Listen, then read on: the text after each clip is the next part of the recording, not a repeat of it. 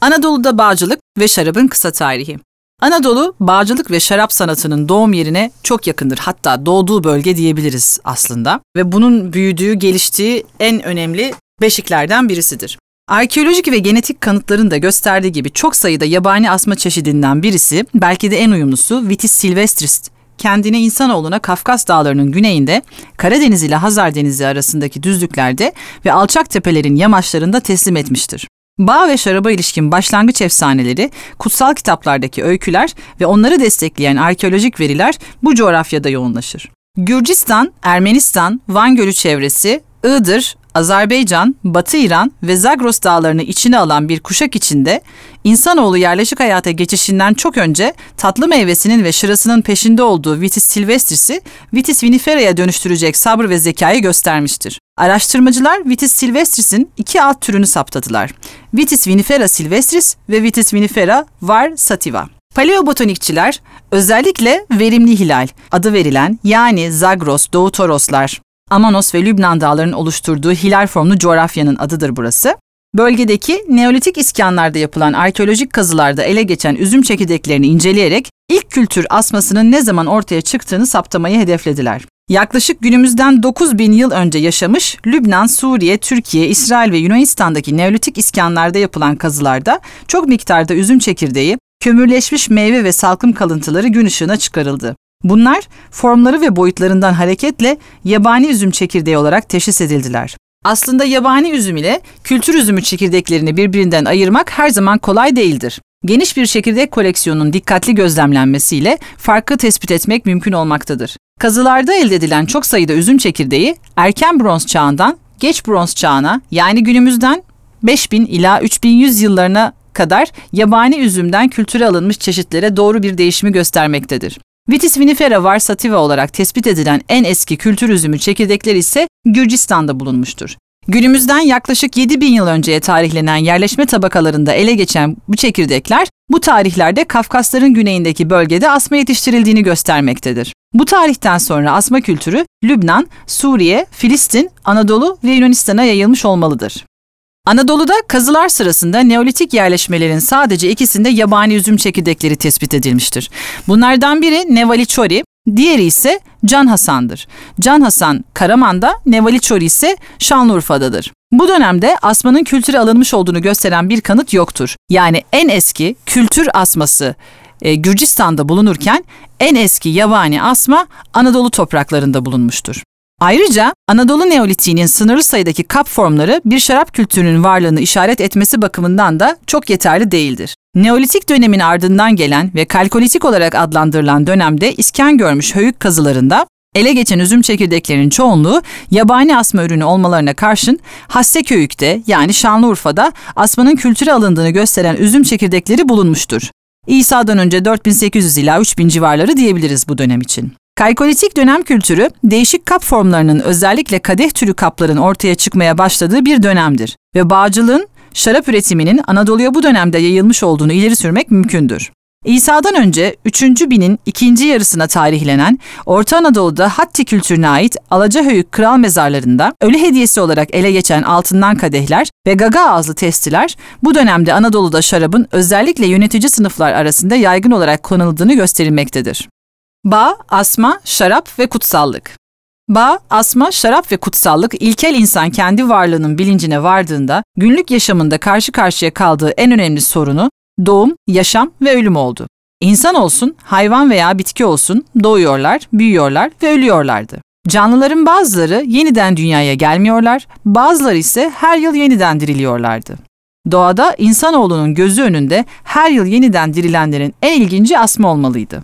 Sonbaharda meyvesini verdikten sonra yapraklarını döküyor, bir çalı haline geliyor. İlkbaharda yaprakları ve çiçekleriyle yeniden doğuyor. Sonbahara doğru dolgun salkımlı meyvelerini veriyor ve sonra yeniden ölüyordu. Şarap üzümden, üzüm asmadan çıkıyordu. Kutsal asma ise topraktan. O zaman her şeyin yaratıcısı toprak anaydı ve tüm verimlilik ve bereket ona aitti. Bu koruyucu insanüstü varlık Anadolu'da Kibele veya Magna Mater, Yunanistan'da Gaya, Mezopotamya'daki Sümer'de Gatumduk, Asur Babil'de Geçdünduk oluyordu. Ünlü Sümer destanı Gılgamış'ta şarabın yumuşatıcı ve uygarlaştırıcı etkisi vurgulanır.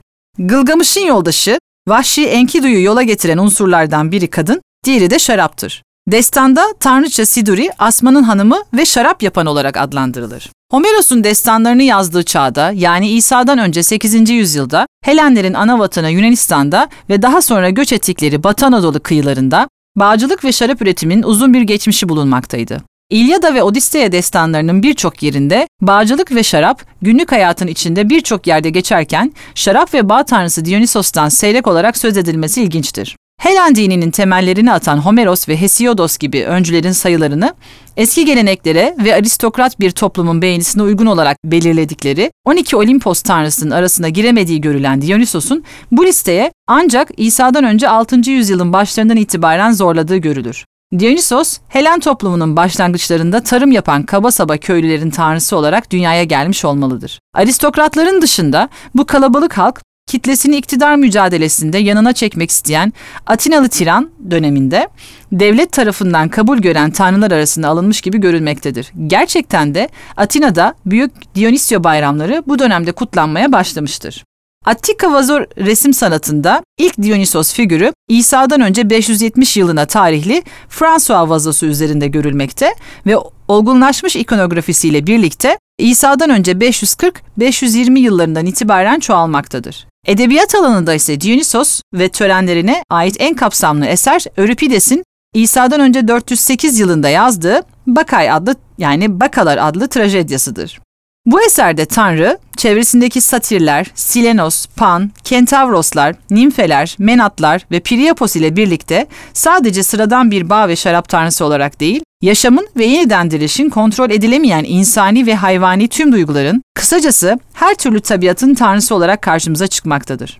Dionysos'un Yunanistan'da kır kökenli bir tanrı olması ve üst sınıfların onu kolayca kabul etmemesi mitoslarına da yansımıştır. Yaygın söylenceye göre Dionysos, Zeus ile Tebay kralı Kadmos'un kızı Semele'nin oğludur. Efsaneye göre Semele, Hera'nın kışkırtmasıyla Zeus'un tanrılığından şüphe ederek tanrı olarak görünmesi için ısrar eder. Semele'nin ısrarlarına dayanamayan Zeus, gök gürültüleri ve yıldırımlar arasında görününce hamile olan Semele çarpılarak ölür. Zeus, Semele'nin karnındaki bebeği baldırında besler ve vakti geldiğinde ikinci kez dünyaya getirir. Bebekken nimfelere verilmiş ve onlar tarafından efsanevi Nisa Dağı'nda büyütülmüş, Musalar tarafından eğitilmiştir. Helenler bu dağın Lidya'da olduğuna inanmaktaydılar.